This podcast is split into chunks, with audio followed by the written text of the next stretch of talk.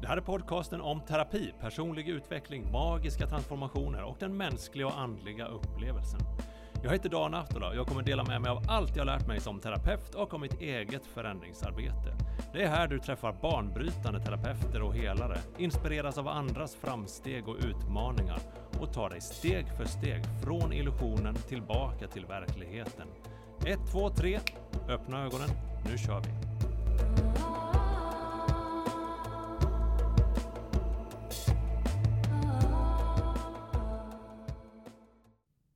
Hallå allihopa, hur är läget? Och tack så mycket för att du lyssnar på 1, 2, 3, öppna ögonen.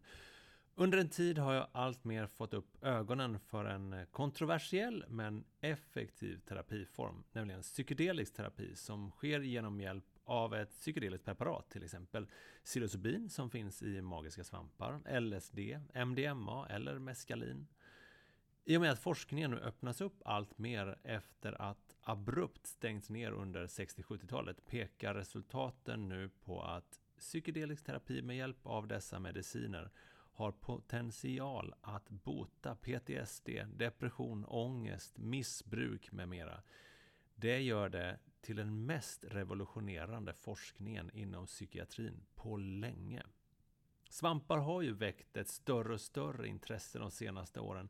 Det märks inte minst på hur många poddar som pratar om det och dessutom visar SVT dokumentären Svenskarna och den psykedeliska svampen just nu. Många har säkert också sett How to change your mind på Netflix och en del av er funderar säkert på att göra er egen svampresa. Där vill jag dock rekommendera dig som ska käka svamp att vara försiktig. Se till att du är på en trygg plats, inte bara fysiskt utan även i livet och ha med dig någon som vet vad han eller hon gör. Det kan vara omskakande, så se till att du vet vad du gör och ta hand om dig. En sista grej innan jag presenterar veckans gäst. Den 20 maj på Aftola Company kommer Henna Begisevic hit för en kurs i medial utveckling. Hon hjälper oss att utöka våra mediala sinnen och guidar oss i meditation, psykometri, andekontakt och intuition. Jag kommer vara där såklart och ser verkligen fram emot det här. Henna är legit och riktigt bra på det hon gör och det är därför vi bjudit henne till Attola Company. Det finns endast ett fåtal platser kvar och länk till eventet finns i avsnittsbeskrivningen.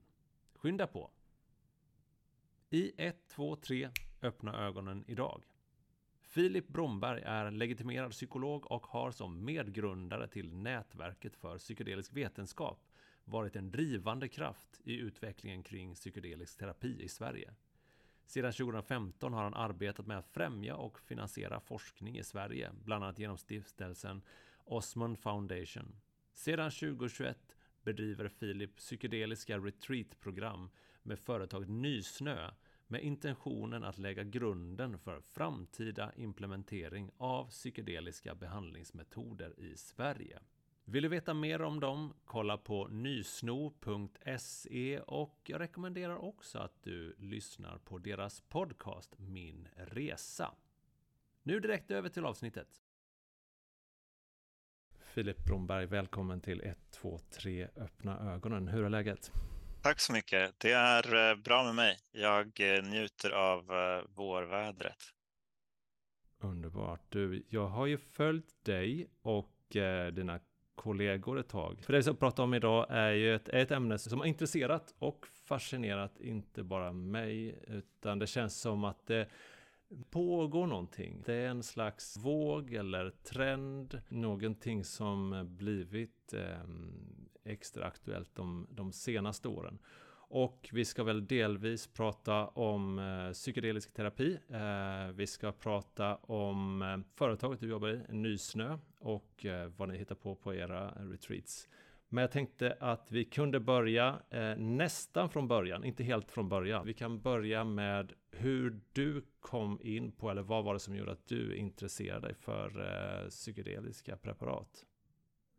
Ja, eh, roligt att du eh, använder eh, liknelsen våg, för att det känns ganska mycket som att jag har befunnit mig på en växande våg sedan ungefär 2014-2015 som jag inte vet vart den är på väg, men jag bara försöker fortsätta surfa mm. ungefär. Eh, så jag har inte haft så mycket av en vision utan, utan sett de möjligheter som finns. Det som gjorde mig intresserad av eh, psykedelisk forskning eh, var att jag kom i kontakt med de studierna när jag läste på psykologprogrammet 2014. Hade ett stort intresse för, eh, för droger, ville jobba som, med missbrukspsykologi och behandling. Eh, så var, blev jag otroligt fascinerad att läsa om de här nya studierna med framförallt MDMA och psilocybin som verkar kunna hjälpa mot eh, missbruk och, och psykisk ohälsa. Ehm, jag visste inte riktigt vad jag skulle hitta på som psykolog eh, då när jag var student på Uppsala universitet. Kände mig lite vilsen och eh, blev otroligt fascinerad. Inte bara av hur starka resultaten var utan också den här diskrepansen mellan att den här forskningen finns och ingen på min utbildning pratar om den och tycks inte verka vilja prata om den heller. Eh, så att då tändes det någon slags rebellisk eld inom mig och jag eh, började hitta andra som var intresserade av det här och eh, då var det som att en värld öppnade sig. Eh, på den vägen är det. Jag antar att det är en del som har fördomen att om man forskar eh, på eller om, om psykedelika så är man en eh, användare själv. Men vill du berätta om vad du har för, för relation? Gärna det. Det finns ju ett, eh, ett stigma kring de här substanserna. Och om man är intresserad av, av det och väljer att prata om det så blir en följdfrågan, hur kommer det sig att du är villig att prata om det här trots mm. det här stora stigmat som finns i vårt samhälle. Mm. Eh, och bakom den frågan kan det dölja sig ett antagande om att det är så för att du har en passion som drivs av egna, egna erfarenheter. Lite mm. som en, eh, som en eh, religiös person eller, mm. eller en väldigt nyandlig eh, person. Mm. Eh, och E-, egna upplevelser har varit en, eh, en del av min resa. Det var inte anledningen till att jag eh, började intressera mig för forskningen. Mm. Men jag har senare haft eh, upplevelser som har påverkat mig väldigt starkt och som har fått mig att tänka annorlunda kring hur eh, de här substanserna kan integreras och, eh, eh, eller inte integreras i vårt samhälle. Det har gått så, så väldigt fort känns det som. Jag har inte, okej, okay, när jag var tonåring och det var typ, det var lite coolt med knark och sådär. Då hörde man ju talas om, om svampar och så vidare. Men, eh, men sen blev jag vuxen och tänkte inte så mycket på det. Men först under de senaste åren eh, så har det ju bara pratats. Och så här, det först pratades lite grann om det och så bara boom så pratar alla om det. Och alla har en tanke om det. Eh, och det är inte bara här liksom. Eh, jag tror inte det heller bara är i alternativterapivärlden. Utan det verkar som att det är människor överallt. Eh, och det, det tyder på att det, någ, det finns någonting med den uppmärksamhet det får. Eh, bland annat i i, i poddar och det som det skrivs om. Som, som gör att det finns någon form av, kanske inte ska säga uppvaknande, men det är no något som är så ögonöppnande. I ögonfallande kanske man kan kalla det. Eh, vad, vad, tror du att det är som gör att så många intresserar sig för, för det här just nu? Jag tror att det finns en eh, slags metakris i vårt, eh, i vårt samhälle eh, där bristen på mening är en del. också sammankopplat, på, sammankopplat med psykisk ohälsa och den bristande förmågan hos dagens eh, psykiatri att hjälpa människor. Eh, jag tror att det finns ett sökande efter eh, gemenskap och eh, ett slags eh, ehm, en, en, en slags eh, postmodern kritik mot eh, vårt, vårt samhälle och en vilja, en liksom, strävan tillbaka till någon slags mer naturligt, inom citationstecken, eh, tillstånd. Och i alla de här kriserna eller, eh, eller delarna av en metakris så är eh, psykedelika och psykedeliska upplevelser väldigt eh, intressant. Det är någonting som har funnits i eh, eh olika kulturer i eh, tusentals år och som eh, eh, har en väldigt kraftfull inverkan på eh, medvetandet, som har en väldigt kraftfull eh, effekt på hur vi eh, uppfattar världen och vår plats i den. Eh, en eh, slags eh, springboard, en, en trampolin in i eh, eh, en andlig eh, förståelse av världen. Eh, när vi känner oss på något sätt berövade den, eh, den mening som religion gav oss. Mm. Och det är ju någonting som jag också känner så eh, är så, är så lockande och det är vad många kallar den, den mystiska upplevelsen. Och, eh, och just mystiken i sitt renaste uttryck är väl vad man kan kalla, jag menar enheten eller att, att föreningen med eh, alltet eller med eh, Gud, eller hur man ska beskriva det. Vilket ju är någonting som är väldigt vanligt när, när folk berättar om sina psykedeliska upplevelser. Framförallt den här närheten och närvaron i naturen. Och att man kan känna att det finns någon stark eh, kontakt i det. Och jag tror bara det är ju väldigt helande och läkande. Och jag är inte riktigt säker på att, eh, att, att man kan uppnå det eller uppleva det med någon form av andra eh, substanser. Det tror jag. Eh, jag tror att eh, de eh, upplevelserna som, som personer har med eh, psykedeliska substanser eh, kan uppnås på många andra sätt och även uppstår helt eh, organiskt utan någon form av praktik eller substans. Mm.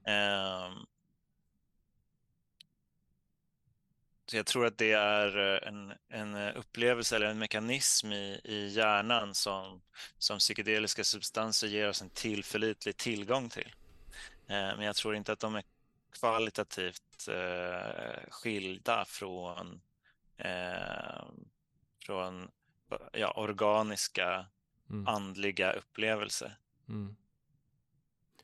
För, det som jag funderar på är ju egentligen om det är en öppning utåt eller en öppning inåt? Är det någonting vi kan se i omvärlden eller är det någonting inom oss som, som vi upptäcker som vi redan eh, har? Bra fråga. Ehm, eh, och det blir en, eh, en eh, filosofisk eh, diskussion, eh, nästan metafysisk. Ehm, jag eh, förhåller mig ganska eh, materiellt ändå till, eh, till verkligheten. Mm. Ehm, och ser eh, eh, de här andliga upplevelserna som någonting som det mänskliga medvetandet skapar eller som vi får tillgång till inom oss själva. Mm. Men jag vet många som inte skulle hålla med mig. Mm. Egentligen så vet jag inte om det spelar någon roll. Alltså om, om det skulle vara så här, om det är någonting utanför oss eller om det är någonting i oss så är det ju helt fantastiskt i vilket fall som helst.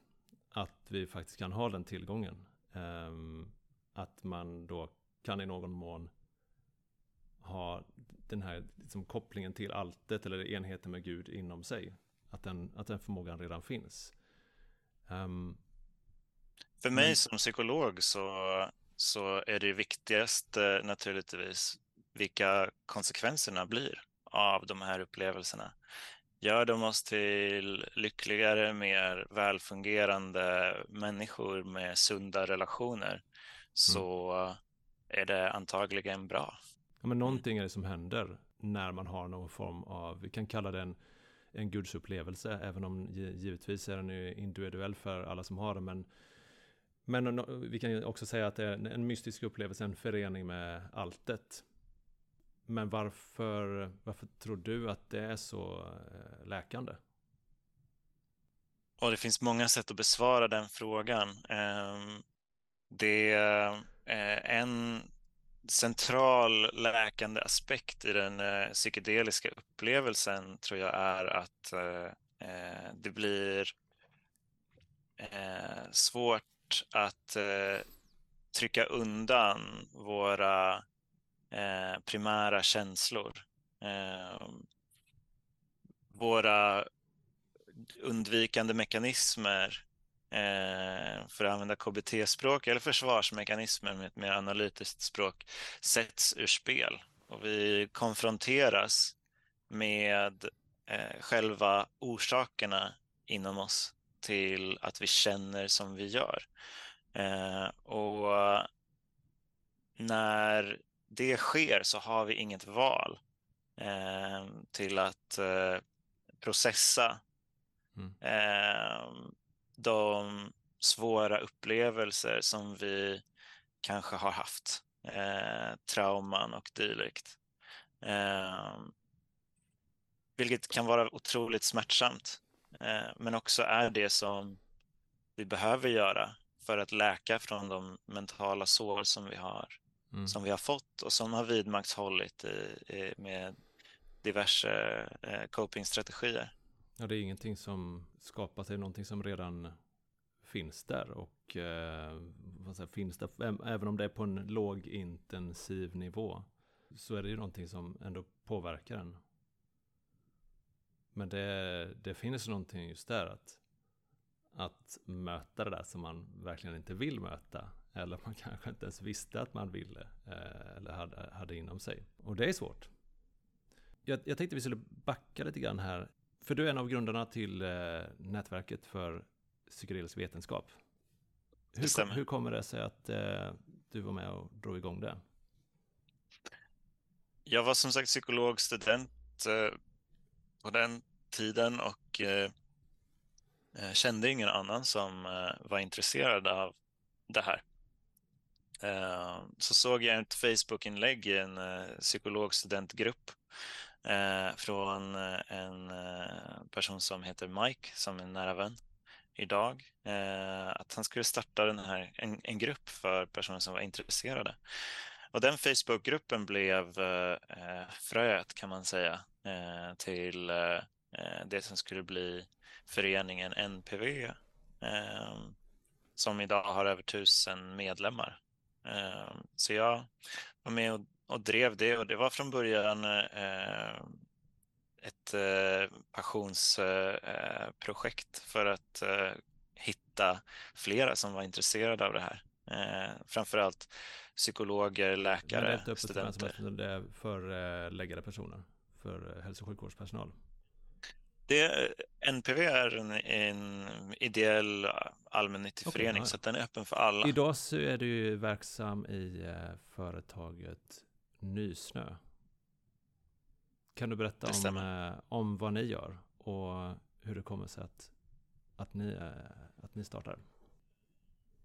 Jag och mina några av medgrundarna till Nysnö är också medgrundare till Nätverket för psykedelisk vetenskap. Och anledningen till att vi startade Nysnö var att när den första studien med psilocybin eh, kom igång på Karolinska institutet och vi var alla involverade där eh, på olika sätt så kände vi att eh, det var dags för att ta nästa steg.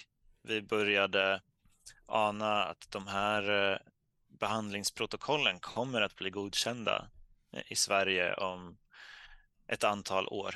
Och eh, då behöver vi vara redo att implementera och integrera behandlingarna i vårt system på ett meningsfullt sätt. Och vi såg då att förutsättningarna för att psykedelisk terapi ska kunna integreras i det svenska vårdsystemet är eh, små eller inte så bra. Eh, framförallt så saknas det eh, kompetens och erfarenhet hos vårdpersonal. Eh, så med Nysnö ville vi eh, dels bygga upp vår egen kompetens och dels eh, eh etablera en modell för hur de här eh, behandlingarna kan användas i en gruppkontext i framtiden. Vi vill också erbjuda svensk vårdpersonal som kanske inte vill åka på något random ayahuasca retreat. Mm. Att få en djup psykedelisk upplevelse i en laglig och säker kontext. Mm. Eh, så därför etablerade vi Nysnö som är ett, eh, ett företag som, som eh, gör flera olika saker. Dels utbildning, men mycket av vårt arbete har kommit att handla om de här lagliga psilocybin-retreatsen i Holland som vi gör i formen av ett program med förberedelse och integration mm. i Sverige eller online. Mm. Och Sen vi drog igång 2021 så har vi gjort eh, ungefär 18 eh, retreatprogram mm och utvecklat den här eh, modellen eh, som innebär ett eh, program på sex veckor ungefär som infattar screening och förberedelse individuellt och i grupp. Och sen ett fyra dagars retreat i Nederländerna med två stycken tryffelsessioner och sen ett efterföljande arbete i, eh, har du kunnat i Sverige. Fram till den modellen, har ni eh, tagit inspiration av andra eller? Modellen för, eh, för programmet är inspirerad av eh, hur man gör eh, psykedelisk terapi. Vi eh, fokuserar mycket på att skapa trygghet i gruppen. Eh, att alla deltagare ska känna sig väl informerade eh, och eh, vara villiga att röra sig mot det som kan vara utmanande. Mm.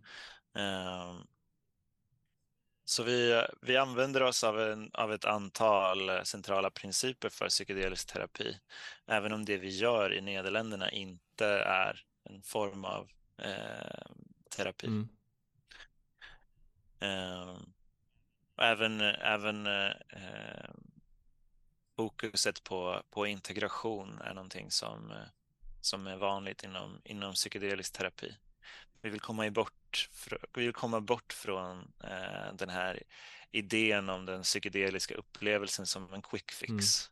Mm. Eh, som att man bara ska må bra efteråt, utan vi ser eh, upplevelsen som, ett, eh, som en omskakande och ett eh, första litet steg i den riktning som man kanske behöver mm. fortsätta att arbeta i. Det är eh, våta dröm med quick fixes och alla söker efter nästa quick fix. Förutom kanske läkemedelsbolagen då förstås. Eh, men det, jag, kan, jag kan relatera till det, jag kan eh, känna igen det faktiskt. Men hur, hur tar det sig emot då? Av, av kollegor eller vad säger mm, till exempel Socialstyrelsen? Har ni liksom mött mycket motstånd där? Jag har inte fått någon kommentar från Socialstyrelsen. Vi har uh, fått kommentarer från Psykologförbundet mm. som har varit, uh, varit positiva. Mm. Uh, och generellt bland, bland kollegor så, så upplever jag att det tas emot positivt. Mm. Det brukar antingen vara så att folk inte har en aning om vad jag pratar mm. om. Eh, eller om de har läst på så är de positiva. Så det är mm. ganska ovanligt att någon som faktiskt har en förståelse för det vi mm. gör eh, tycker att det är dåligt. Sen så eh, har jag haft väldigt konstruktiva diskussioner kring, eh, kring risker med det vi mm. gör eh, och hur det kan göras på ett eh, säkrare sätt avseende till exempel screening och mm. uppföljning. Mm. Våra, vårt program brukar beskrivas som väldigt utmanande mm. av, eh, av våra Vem deltagare. Vem är den eh, genomsnittsdeltagaren på era retreats? Så de flesta av våra deltagare är kvinnor. Eh, det är ingen stor majoritet, men det är en majoritet. Eh, vi brukar ha väldigt spridda åldrar på våra program, vanligtvis eh, lite äldre än man skulle förvänta sig. Så det brukar alltid vara någon i 30-årsåldern, men annars är de flesta 40 plus eller 50 plus till mm. och med välutbildade personer som eh, inte vill bryta mot lagen. Eh, personer som eh, kanske aldrig har haft en, en psykedelisk upplevelse men eh, läst Michael mm. Pollan, hittat forskningen och blivit väldigt eh, Men ni gör ganska noggrann screening innan? För så, vet, så vitt jag vet så, eh, så välkomnar ni inte inte deltagare med eh, pågående psykisk ohälsa eller, eh, eller sjukdomstillstånd?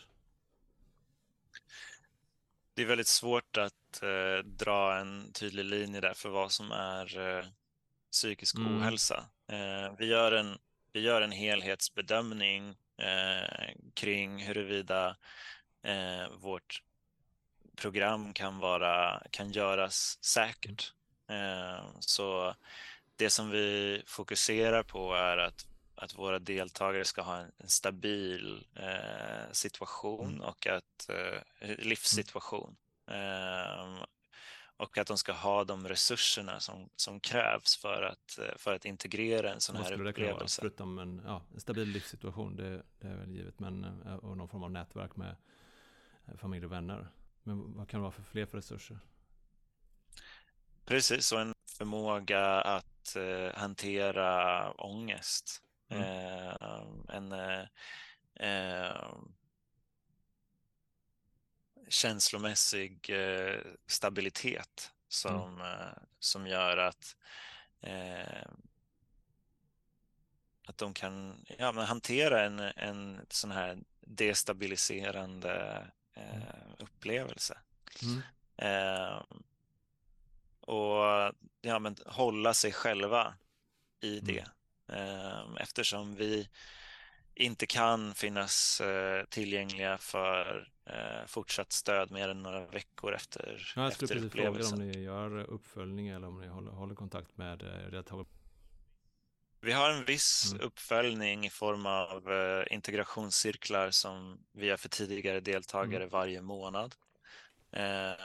och vi Eh, uppmuntrar alltid deltagare att höra mm. av sig till oss om de har det mm. tufft efteråt.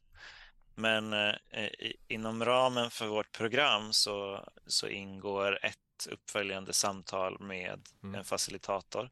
Och om det finns ett vidare behov mm. för samtalskontakt så refererar vi vidare till andra eh, kollegor med insikt i vårt i vårt och det är arbete. som du säger att det, ni är liksom det, det, första steget framåt för att, eh, för att just det är inte en, en quick fix utan det är ett arbete med sig själv som kan behöva fortsätta och inte som nödvändigtvis liksom påbörjas och avslutas med eh, under de här sex veckorna. Men du Precis. sa någonting där som fick gå med destabiliserande upplevelse och då tänkte jag vi kan, kunde komma igång eller komma in på Alltså hur det brukar upplevas. För att som jag förstår så är det inte, ni jobbar inte med några små doser under era retreats. Är, vi gör en individuell eh, mm. anpassning tillsammans med, med mm. deltagare. Mm. Så vissa deltagare eh, tar ganska mm. låga doser. Men det är många som, som vill gå ja. djupt och då erbjuder vi en kontext där det mm. är där det är tryggt att mm. göra det. Ehm, så vi kan gå ganska högt. Så äh, gå djupt, vad är din eh, definition av det? Vad händer då? Det är också otroligt individuellt. Eh, vad som kan, hur det kan mm. upplevas. Eh, och jag märker att eh, våra deltagare kommer ofta in med ganska tydliga förväntningar kring hur det ska vara. Ehm, att eh, eh, förlora konceptet jag till exempel eller att se särskilda mm. visioner. Ehm, och de där förväntningarna kan ofta komma i vägen för att deltagare blir eh, besvikna över att de inte har den upplevelsen som de, som mm. de trodde. Eh, det kan vara så att eh, eh vissa deltagare eh, bara kommer i kontakt med en stor sorg och ligger och gråter i, mm. I flera timmar och, och processar mm. något, något trauma, men att det inte alls upplevs som särskilt psykedeliskt. Ehm, med det sagt så Ja, det är eh, vanligt att eh, eh förlora eh, tillgången till att tänka klart. Eh, att förlora koncept som eh, jag eller att förlora kontakt om koncept som tid och mm. rum man kan känna sig som att man håller på att mm. försvinna mm. eller eh, eh, bli en, en, del av någon slags eh, universell eh, kosmos. Eh, det är vanligare än vad folk tror med starka eh, sensationer i kroppen. Det kan upplevas som blockeringar som släpper släpper eller att man kan ha olika ryckningar eller att temperatur, kroppstemperaturen skiftar väldigt snabbt. Ehm, en känsla av att förlora kontrollen är vanligt mm. och eh, kan komma med de här tankarna om att kanske man håller på att dö eller att man håller på att bli mm. galen. Ehm, tillståndet upplevs ofta som väldigt kaotiskt. Det blir svårt att hålla fast vid tankar. Eh, det blir svårt att hålla fast vid eh, känslor och diverse känslotillstånd. Det kan upplevas lite som att vara ja, men i, en, eh, i en storm på, på vattnet. Eh, helt, eh, att vara helt ett offer för vad det nu kan vara för vågor som kommer. Att ibland så sugs man ner under ytan eller så kastas man upp Men när i du säger det, att, att just upplevelsen av att förlora jaget. Det är ju någonting väldigt skrämmande i sig. I och med att man ofta då hänger upp sig vid, vid sin identitet och identiteten kan ju vara allt ifrån vad man gör eller vad man är värd, vad man har växt upp och hur ens liv ser ut. Namn eller eh, ställning, relationer. Och så plötsligt är allt borta. Och eh, apropå just det här med att förlora kontrollen. Så det är ju en enorm eh, vilsenhet. Så vad är det med psilocybin som gör att det blir så, som framkallar de upplevelserna?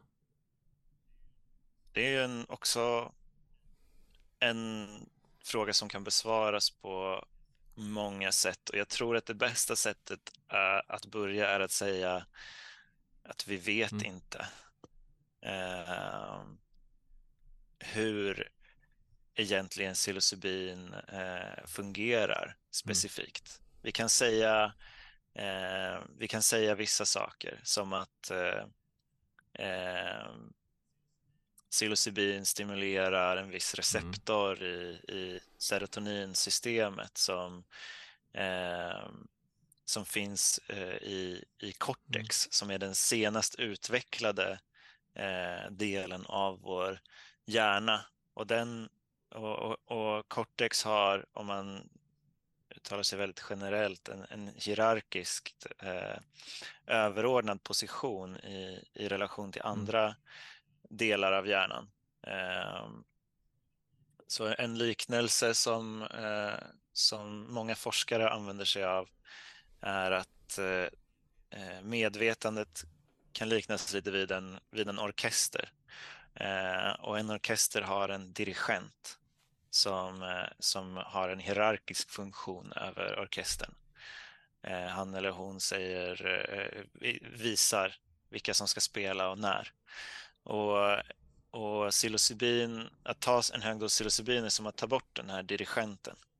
Eh, vilket gör att hela orkestern börjar spela som i en kakafoni. Mm. Eh, och det låter kanske eh, väldigt kaotiskt men ibland så uppstår det också geniala eh, samspel. Eh, och det kan uppstå nya eh, melodier och skapelser som, som ingen dirigent skulle kunna ha tänkt mm. ut. Eh, ett nätverk i hjärnan som, eh, som eh, ofta kallas för egots säte eh, är det som kallas för standardnätverket i hjärnan eller default mode network på engelska. Och eh, det är aktivt när vi tänker på oss själva eller när vi dagdrömmer eller när vi eh, funderar på vad vi ska göra imorgon, planering. Eh, det är ett, ett eh, nätverk i hjärnan som är överaktivt vid, eh, vid olika ångesttillstånd eh, och också aktivt när vi ältar saker eller när vi ruminerar. Och det här nätverket Eh, löses upp eh, rent funktionellt eh, när vi tar en psykedelisk substans. Ju högre dos med psilocybin, desto mer sätts det här nätverket ur spel. Ehm, och desto större är, starkare är vår upplevelse av jag-upplösning. Så på en, så på en eh, neurovetenskaplig nivå så kan vi se flera spännande eh, saker som händer som hänger ihop med den här Eh, förlusten av kontroll. Men varför psykedeliska substanser har den här påverkan på det mänskliga sinnet, det, det är en evolutionär fråga som vi inte har svaret på. Om man ska se på psykedeliska substanser och hur man använder med till exempel traumabearbetning så kan jag ju föreställa mig att, att just det eh, upplösandet av jaget och, och att kanske kunna med vägledning av någon givetvis möta eller gå igenom eh, traumatiska händelser utan att så att säga vara så förknippad med eller eh, associerad till, som, som jag är i den här händelsen. Utan på något sätt kunna koppla loss från ens tidigare känslouppfattningar av det. Att det är um, inte bara värdefullt utan det känns ju som en, ja, en form av genväg. Till en djupare förståelse för jag är inte där längre. Att eh, jag överlevde. I och med att, precis som du nämner, att det är mycket som är de här försvarsmekanismerna med försvarssystemen och att det till, till viss del också är en del av vår identitet. Med tanke på hur vi an, eh, använder eh, jag är och så vidare för att definiera så att jag är eh, rädd för det här eller jag är en, en, en ångestperson. Inte bara när det gäller traumabearbetning och rädslor som kan finnas på ett mer fysiskt och materiellt plan så vet jag att det dyker upp ja, men vad man mer skulle kunna kalla existentiella rädslor. Som eh, ja, men handlar om just döden eller att uppslukas av intet eller av alltet, av att inte finnas till exempel. Det är det många som berättar om. Känslan av att plötsligt ha vaknat upp och allting fram tills nu har varit en, en dröm eller en illusion. Eh, och det är något, någonting som är så, eh, så intressant. Och att, att det är så många som också, det finns så många gemensamma eller, eller liknande berättelser från många. Är det någonting som, som också um, som ni också ser hos eh, era deltagare till exempel? Ja, eh, existentiella eh, rädslor och eh, eh, eh, vad ska man säga, processande av existentiella rädslor är eh, definitivt vanligt på våra eh, retreats. Ehm, och tror jag en underskattad del av psykisk ohälsa. Eh, precis, som, eh, precis som trauma, också en, eh, en underskattad eh, faktor när det gäller psykisk ohälsa generellt. Det finns ju inte så mycket forskning på eh, klassiska psykedeliska substanser och eh, eh PTSD till exempel, eller, eller eh, trauma. Ehm, men jag tror absolut att det kan fungera och då eh, med en annorlunda mekanism än eh, MDMA som, ju är, som det har forskats ganska mycket på för, för trauma. Och MDMA har ju en annan verkningsmekanism än klassiska psykedeliska substanser. Mm. Eh, så där, eh, MDMA har inte en jagupplösande effekt. Eh, jag tror att om psilocybin fungerar för, för trauma, så, vilket jag tror att det kan göra, så har det sannolikt en annorlunda mekanism än, än MDMA, vilket är mm. superspännande. Eh, när det gäller existentiella eh, rädslor och eh, eh, psilocybin så, så känns det verkligen som, som handen i handsken eh, eftersom eh, existentiella rädslor ofta kopplar an till eh, en bristande eh, känsla av mening. Eh, och, eh, eh en, eh, en rädsla för att eh, eller en, en, kanske fixering vid, vid kontroll. fixering vid att det ska vara som det, som det är nu ett slags undvikande av det mest eh, eh, säkra som finns här i, i, i, världen, det vill säga att vi, att mm. vi kommer att dö. Eh, psykedeliska substanser eh, har ju en eh, förmåga att eh, sätta oss i kontakt med det vi är som mest räds, rädda för. Att exponera oss för det som vi behöver eh, exponeras för. Och eh, eh, det är en, en, vanlig upplevelse bland, bland eh, personer som är väldigt rädda mm. för döden och tar psilocybin att uppleva mm. sin egen död. Eh, och att göra det som, eh, att uppleva det som någonting positivt och, mm. och vackert.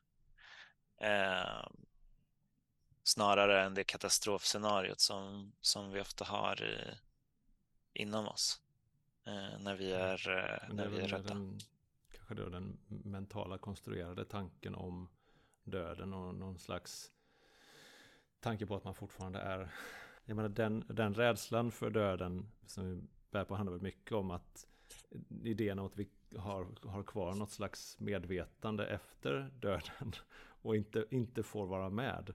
Eh, medan väl att de, de flesta är väl överens om att det, det, det är någonting annat som, som sker. Men jag kan ju verkligen se att min egen upplevelse av att vara nära döden, både inom familjen och att jag har eh, blivit frisk från eh, en cancer för snart tre år sedan. Men att ha den upplevelsen av att man håller på att man håller på att dö var ju någonting som var så oerhört eh, läkande. Framförallt för att man var medveten om att en gång, eller en dag så kommer jag att dö. Och att det ger ju, i alla fall ur mitt perspektiv, en enorm kärlek för livet och hur, hur vackert det kan vara. Och framförallt just att det, det, man ska inte hålla på och vänta på att njuta av det. För när du, när du beskriver det så det låter ju nu som att du, du lägger fram egentligen det som kan kännas skrämmande. Med, med att till exempel att eh, ta en dos med psilocybin oavsett om man gör det på, på i ett retreat eller, eller någon annanstans. Även om jag givetvis eh, rekommenderar att man gör det med någon som är kunnig. Men man får inte glömma att, eh, att det också kan vara en alltså enormt vacker upplevelse. En euforisk upplevelse som i och för sig kan vändas till en, en, en djup ångest i nästa sekund och för att sen gå tillbaka till det. Och du var inne på det tidigare, att förlora kontrollen.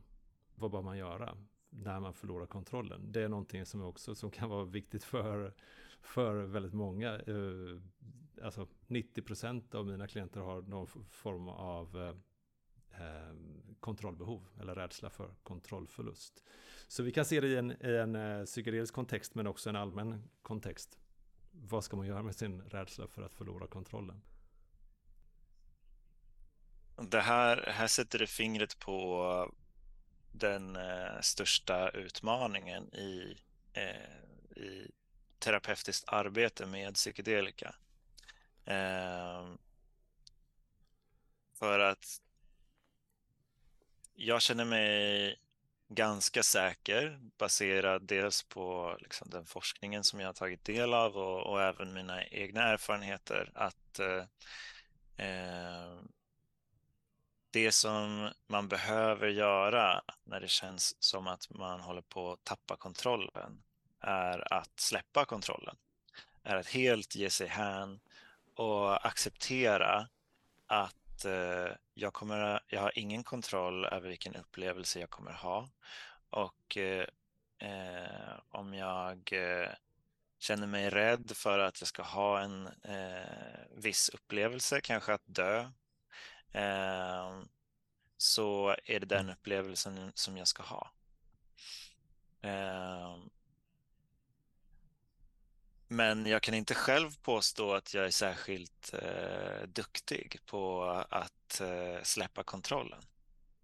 Eh, det är eh, jättesvårt eh, och väldigt eh, mycket lättare att uppmuntra eller mm. stötta någon annan i att göra det än att faktiskt, mm. faktiskt göra det.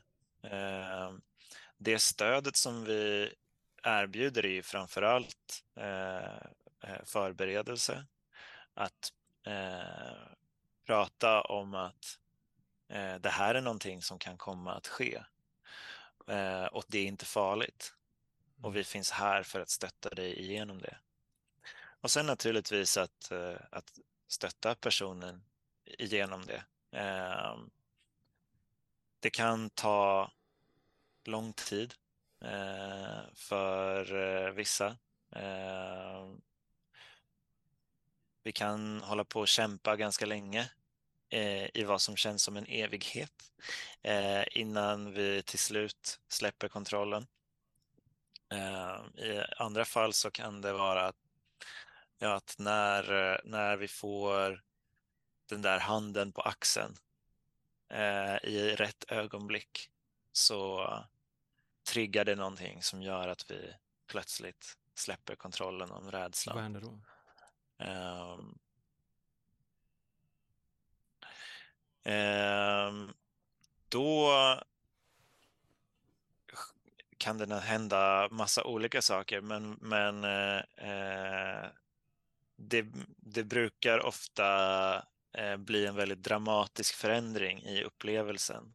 Eh, ofta ehm, eh, inte kanske direkt till det positiva, men, eh, men ofta i en mer, mm. posit- i en mer konstruktiv riktning. Eh, kanske en plötslig eh, insikt eller en plötslig förändring från att vara helt ensam i världen till mm. att inte vara mm. ensam, till att vara älskad eller, eh, eller eh, någon, någon slags förlösande eh, skifte mm. från sorg till kärlek eller, eh, eller eh, jag förstår så kontakt. är väl just det där förmågan att släppa kontrollen, att det är lite så här porten mellan, jag så beskrev ångest och eufori. I den här upplevelsen att om man försöker kontrollera så, så ger det ofta det resultatet att det blir eh, låst eller att det känns spänt och jobbigt. Medan om man släpper det så blir det en upplevelse av kanske då, frihet eller eh, en öppning eh, i, ens, eh, i ens upplevelse. Men vi är också inne på någonting när vi pratar om både psykisk ohälsa och ensamhet. Att jag tror att det ligger ju mycket i det där. Att inte, att inte dels inte ha kanske eh, relationer. Men att överhuvudtaget inte känna sig, att det känna gemenskap eller, eller samvaro eller tillhörighet. Att det, att det ligger mycket bakom psykisk ohälsa. Och man pratar om, eh, det, det låter lite som en sån här löpsedelsrubrik att, eh, att, att folk mår, mår sämre och sämre. Och samtidigt, det är, det är så många som man söker efter någon mening eller ett syfte och kanske dels i ett liksom väldigt sekulärt eh, samhälle där vi är, liksom, vi är isolerade. Att, eh, att vi, vi saknar den tillhörigheten. Att vi brukar romantisera det, om vi jämför med det, typ det sydeuropeiska förhållningssättet. Folk bara går ut på gatan. Bara går ut på gatan och där sitter de och alla pratar med alla, gamla med unga. De dricker tillsammans, äter middag ända till kvällen. Att, vi, att det blir en sån um, utopisk bild av, av samvaron. Men som jag förstår det så kan den psykedeliska upplevelsen också ge en, inte bara en, liksom en, en tillhörighet eh, med människor utan en form av, ja men, med alltet. Om, som, som vi skrev med naturen eller med universum eller med Gud om man så vill. Och att inse att jag, jag är också Gud.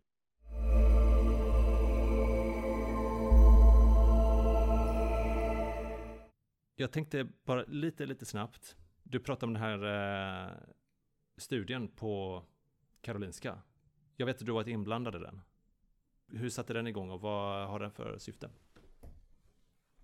Det var när vi hade genomfört den första eh, konferensen eh, för psykedelisk vetenskap i Stockholm så blev vi eh, kontaktade av en person som eh, hade möjlighet och vilja att finansiera en klinisk studie eh, i Sverige, vilket ju är väldigt dyrt och svårt Eh, av en rad olika anledningar som vi skulle komma att upptäcka. Eh, men vi hittade eh, ett, eh, ett, ett forskargrupp som var villiga att göra eh, en studie med eh, psilocybin på eh, deprimerade personer.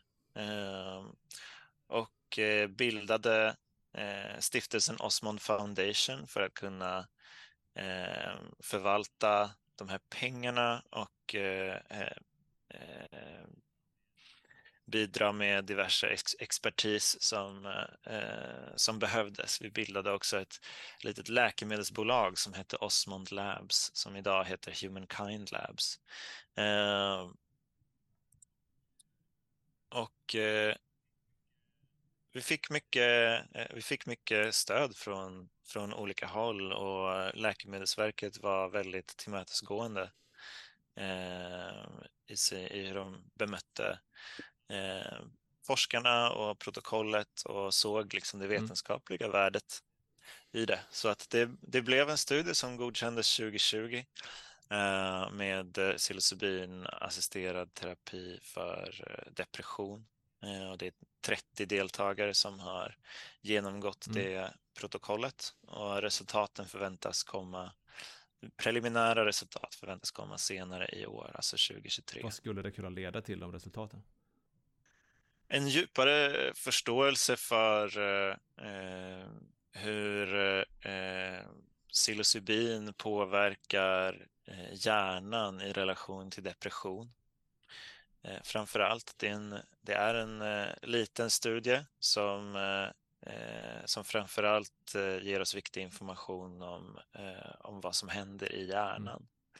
Mm. sen har ju studien ett stort kulturellt värde och har redan genererat mycket kunskap i Sverige eftersom antalet forskare som är intresserade för det här har exploderat och det har blivit mycket mer accepterat inom hela akademin. Mm. Så jag vet att det är många studier som står på, i startgroparna nu. Eh, just eftersom eh, man har visat att det går att göra det här i Sverige. Eh, så jag är jättespänd på att se vad som kommer hända det, de närmaste åren inom psykedelisk forskning i Sverige. Man såg väl också ett, ett exempel på en, på en ökad acceptans genom SVT-dokumentären Svenskarna och den psykedeliska svampen där din kollega medverkade. Och det är inte så ofta som det, menar, det pratas om psykedelisk svamp eller psykedeliska preparat så publikt och ändå så här positivt. För det brukar ju oftast vara, journalistisk rapportering brukar ju utgå ifrån eh, ja, egentligen tidigare medial uppmärksamhet och lagstiftningen. Som har sagt att men det här är narkotika och därför är det förbjudet. Håller svenskarnas inställning på att eh, förändras?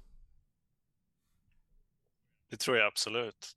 Och då menar jag inte till narkotika uh, utan just till eh, psykedeliska preparat. Sverige har ju varit ganska isolerat i, eh, i eh, världen eh, om man tänker på hur det var fram till 90-talet ungefär. Då vi i Sverige hade liksom, ja, men, vi hade den statliga tvn, vi läste svenska tidningar.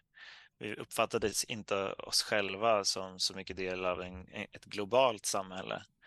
Men idag så Eh, håller betydelsen av eh, nationer och, och gränser på att eh, eh försvinna med all mediakonsumtion och eh, rapportering från hela världen. Så den svenska eh, kulturen blir allt mer influerad av, av, det, av det, globala väst, sam, ja, det globala västliga samhället. Mm. Och eh, inte minst av USA där, eh, där eh, psykedelika är oerhört mainstream.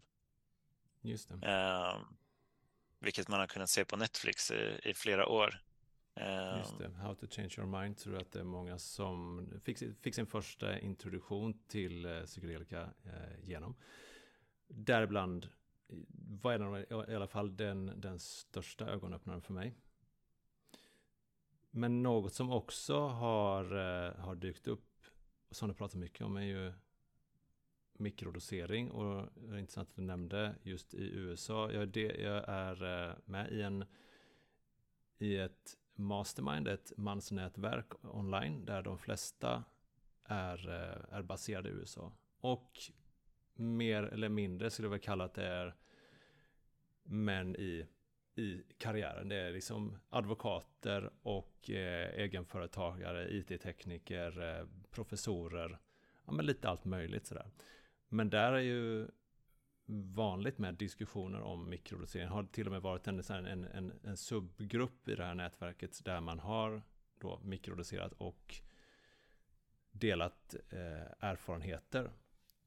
Vet om det finns några studier eller, eh, om mikrodosering och vad det kan ha för positiva egenskaper eller negativa. Det finns en del forskning på, på mikrodosering. Eh, den har inte kommit lika långt som forskningen på, på högre doser. Det är svårt att göra bra forskning med mikrodosering eftersom man måste administrera substansen vid många tillfällen.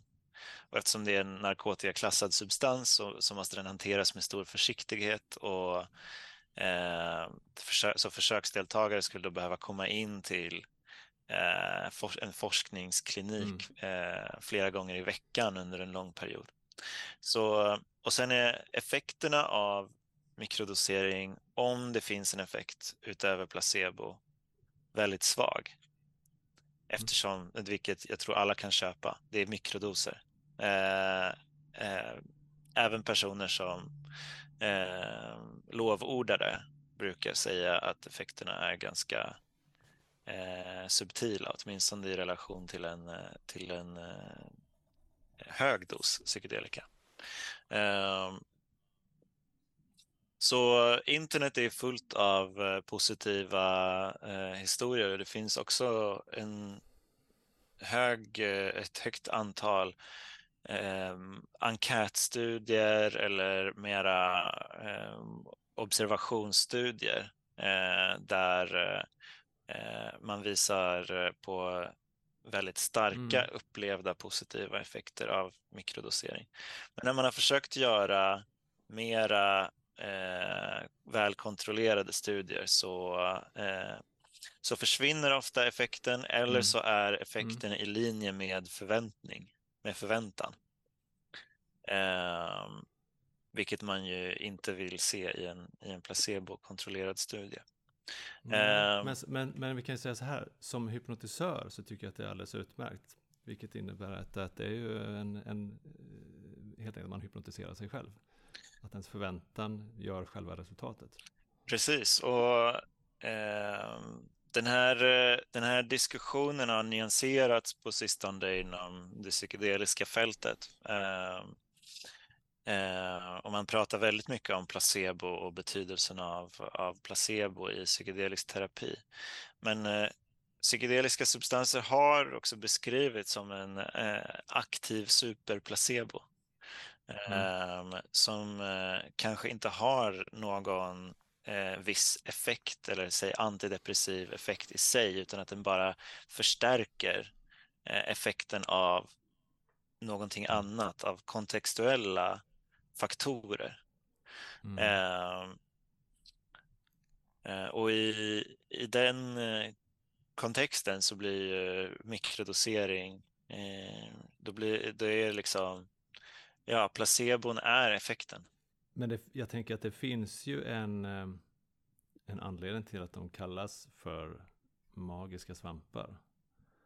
Uh, och jag vet inte om, om, liksom, om det finns i åtanke att det är no någonting annat med dem än, än just den, den aktiva substansen. Kan det finnas någon form av visdom som, som ligger bakom det? Vet jag hört frågan ställas, så här, hur vet svampen vad den ska göra. För den visste ju precis vad som var där. Men då kanske vi också återkommer till eh, det vi pratade om i början, att det är någonting som vi redan har inom oss, som öppnas upp.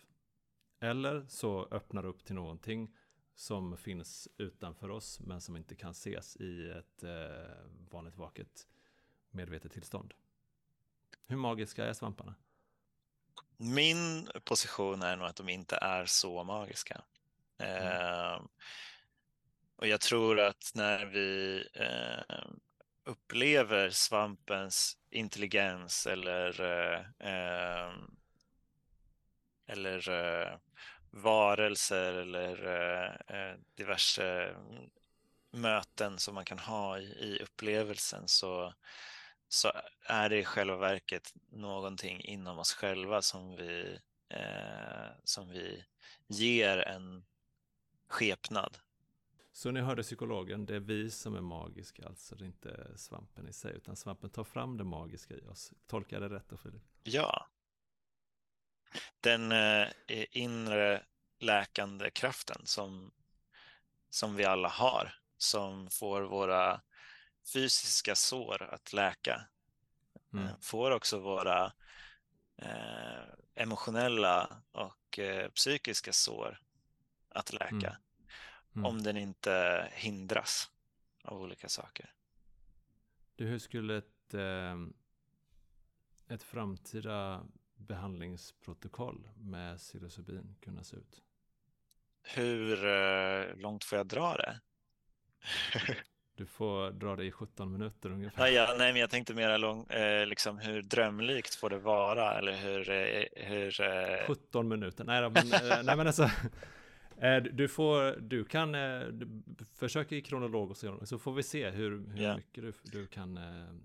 Alltså jag skulle vilja den, de behandlingsprotokollen som, som håller på att utvecklas idag inom läkemedelsforskning och det liksom, medicinska paradigmet fokuserar på individer.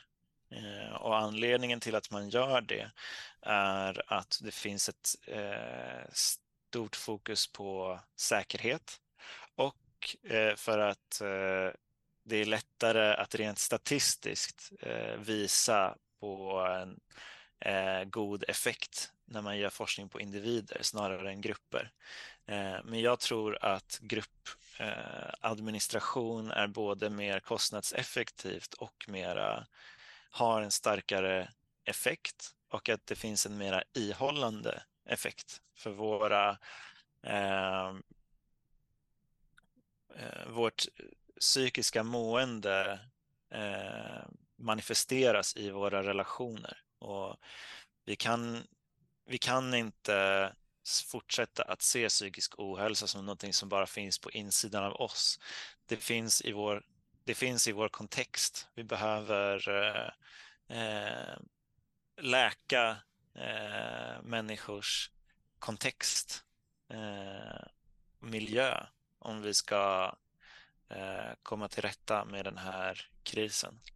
Så mm. ett, ett framtida behandlingsprotokoll som, eh, som jag skulle vilja se eh, är sker i någon typ av eh, lantlig miljö dit personer får en, ett, en referens eller ett, ett, ett en rekommendation från sin läkare och som mm. fungerar som ett slags terapeutiskt community dit man får komma och bo en tid och delta i gruppsessioner Eh, mm. med, eh, med psilocybin. Eh, där det också finns tillgång till, till natur, till relationsskapande workshops, till att Eh, fixa i trädgård och, och eh, ha liksom kreativa uttryck och förkroppsligande aktiviteter som yoga. Ehm, och i det här eh, protokollet så, så finns det också som en integrerande eh, komponent. Så man, man åker inte eh, bara därifrån tillbaka till sitt vanliga liv utan eh, det finns en eh, slags eh, ja, men en, en kontakt som, som åter genom till exempel integrationscirklar och ett, ett mm. kontaktnät som jag tror är väldigt viktigt för att kunna vidmakthålla eh, förändringar. Det är ju en stor grej att kunna prata med andra också om det som inte kan ses i, eh, i den fysiska världen. För att de upplevelserna är ju inte bara, eller kan ju inte bara vara omvälvande utan också overkliga.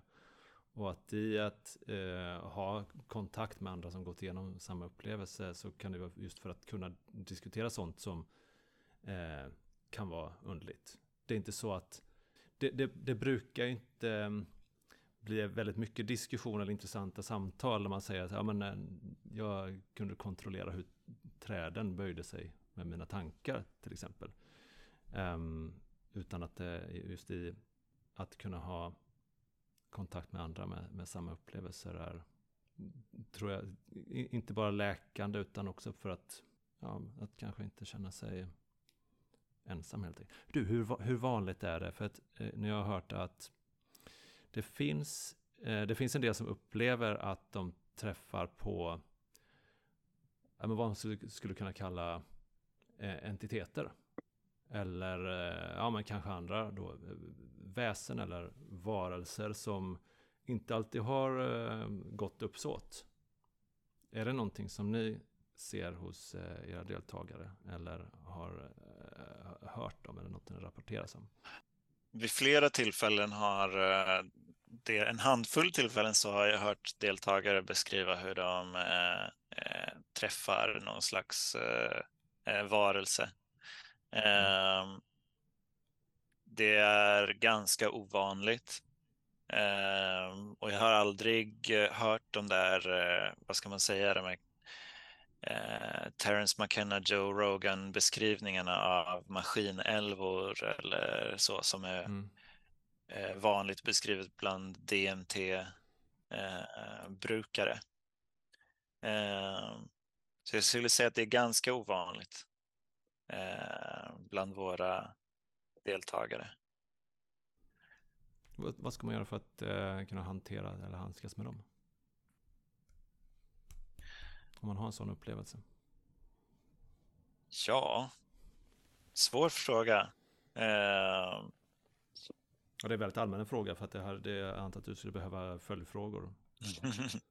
eh, jag tror att det viktiga är att, eh, är att välkomna eh, upplevelsen som vilken annan upplevelse som helst och mm.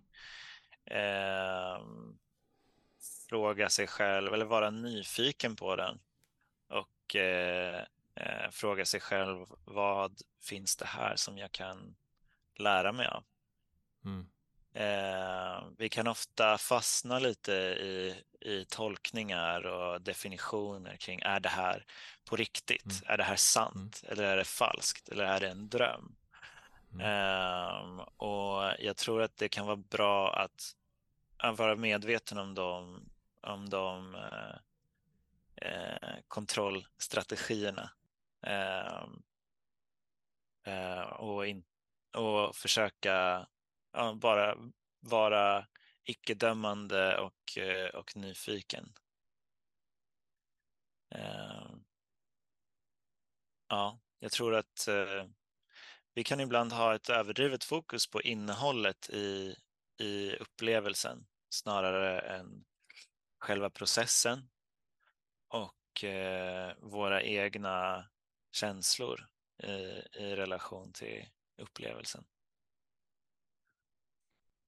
Så det kanske är viktigare vad du känner för de där maskinälvorna än, eh, vad, än, än om de är på riktigt eller inte.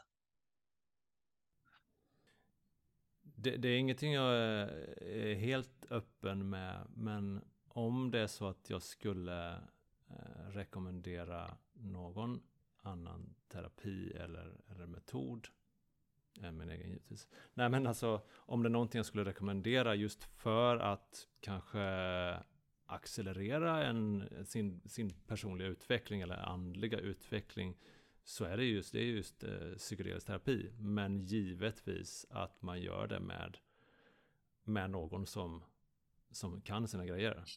Eh, just för att det kan ju vara så oerhört omvälvande, svårt, eh, fantastiskt också.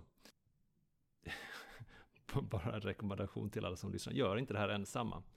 Och eh, chansa inte bara, utan om, om det är så att, eh, att ni verkligen vill ha en, en upplevelse, så vi kommer ihåg också, ja, det är inte lagligt.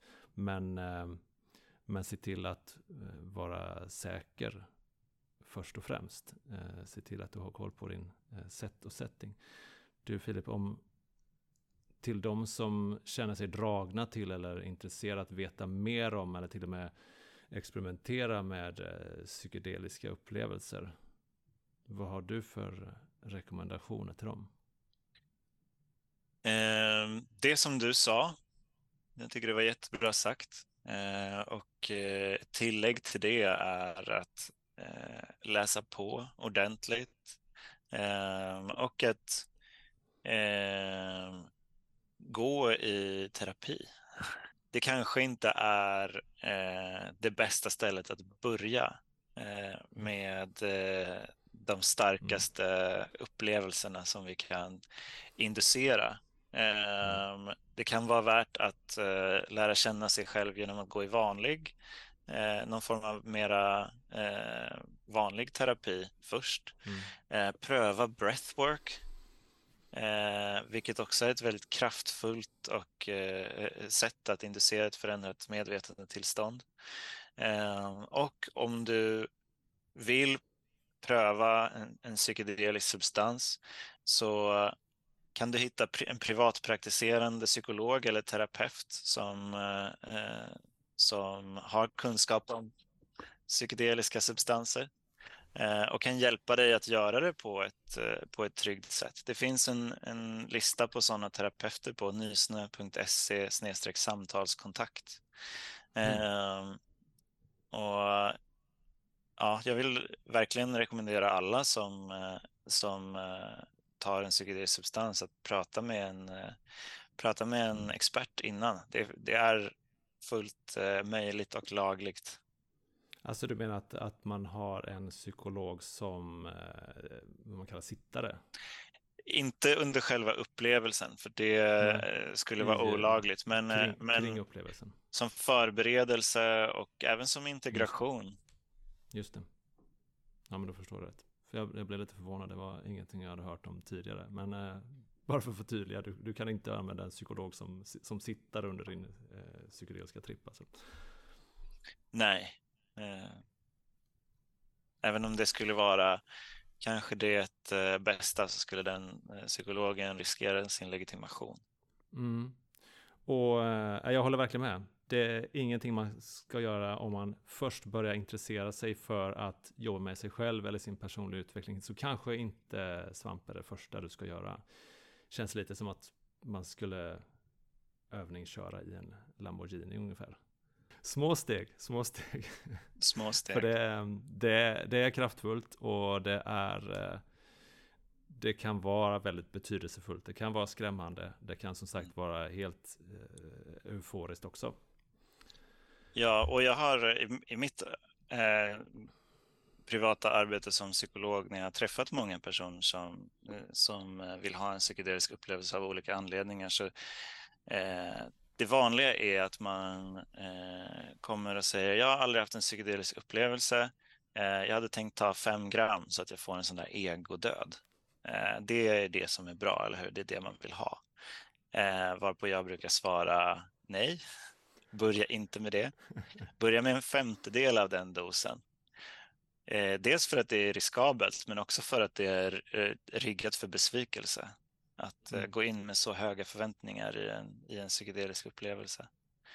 Mm. Så mycket bättre att börja, börja långsamt och betrakta det som en ny och lång relation som man vill börja bygga från grunden. Mm. Ja, risken att man får, alltså, om man inte är förberedd, att man får rätt mycket stryk. Eller att man liksom det, kan, det kan bli rätt jobbigt. Och det är inte, det, det är inget, eh, vad ska man säga, njutbart med en egodöd. Det, det, det förändrar ganska mycket om hur man eh, ser på sig själv och är man inte förberedd så, ja, det kan vara väldigt skrämmande. Filip Bromberg, tack så jättemycket för att du ville gästa 1, 2, 3 öppna ögonen. Tack så mycket, det var jätteroligt att vara med.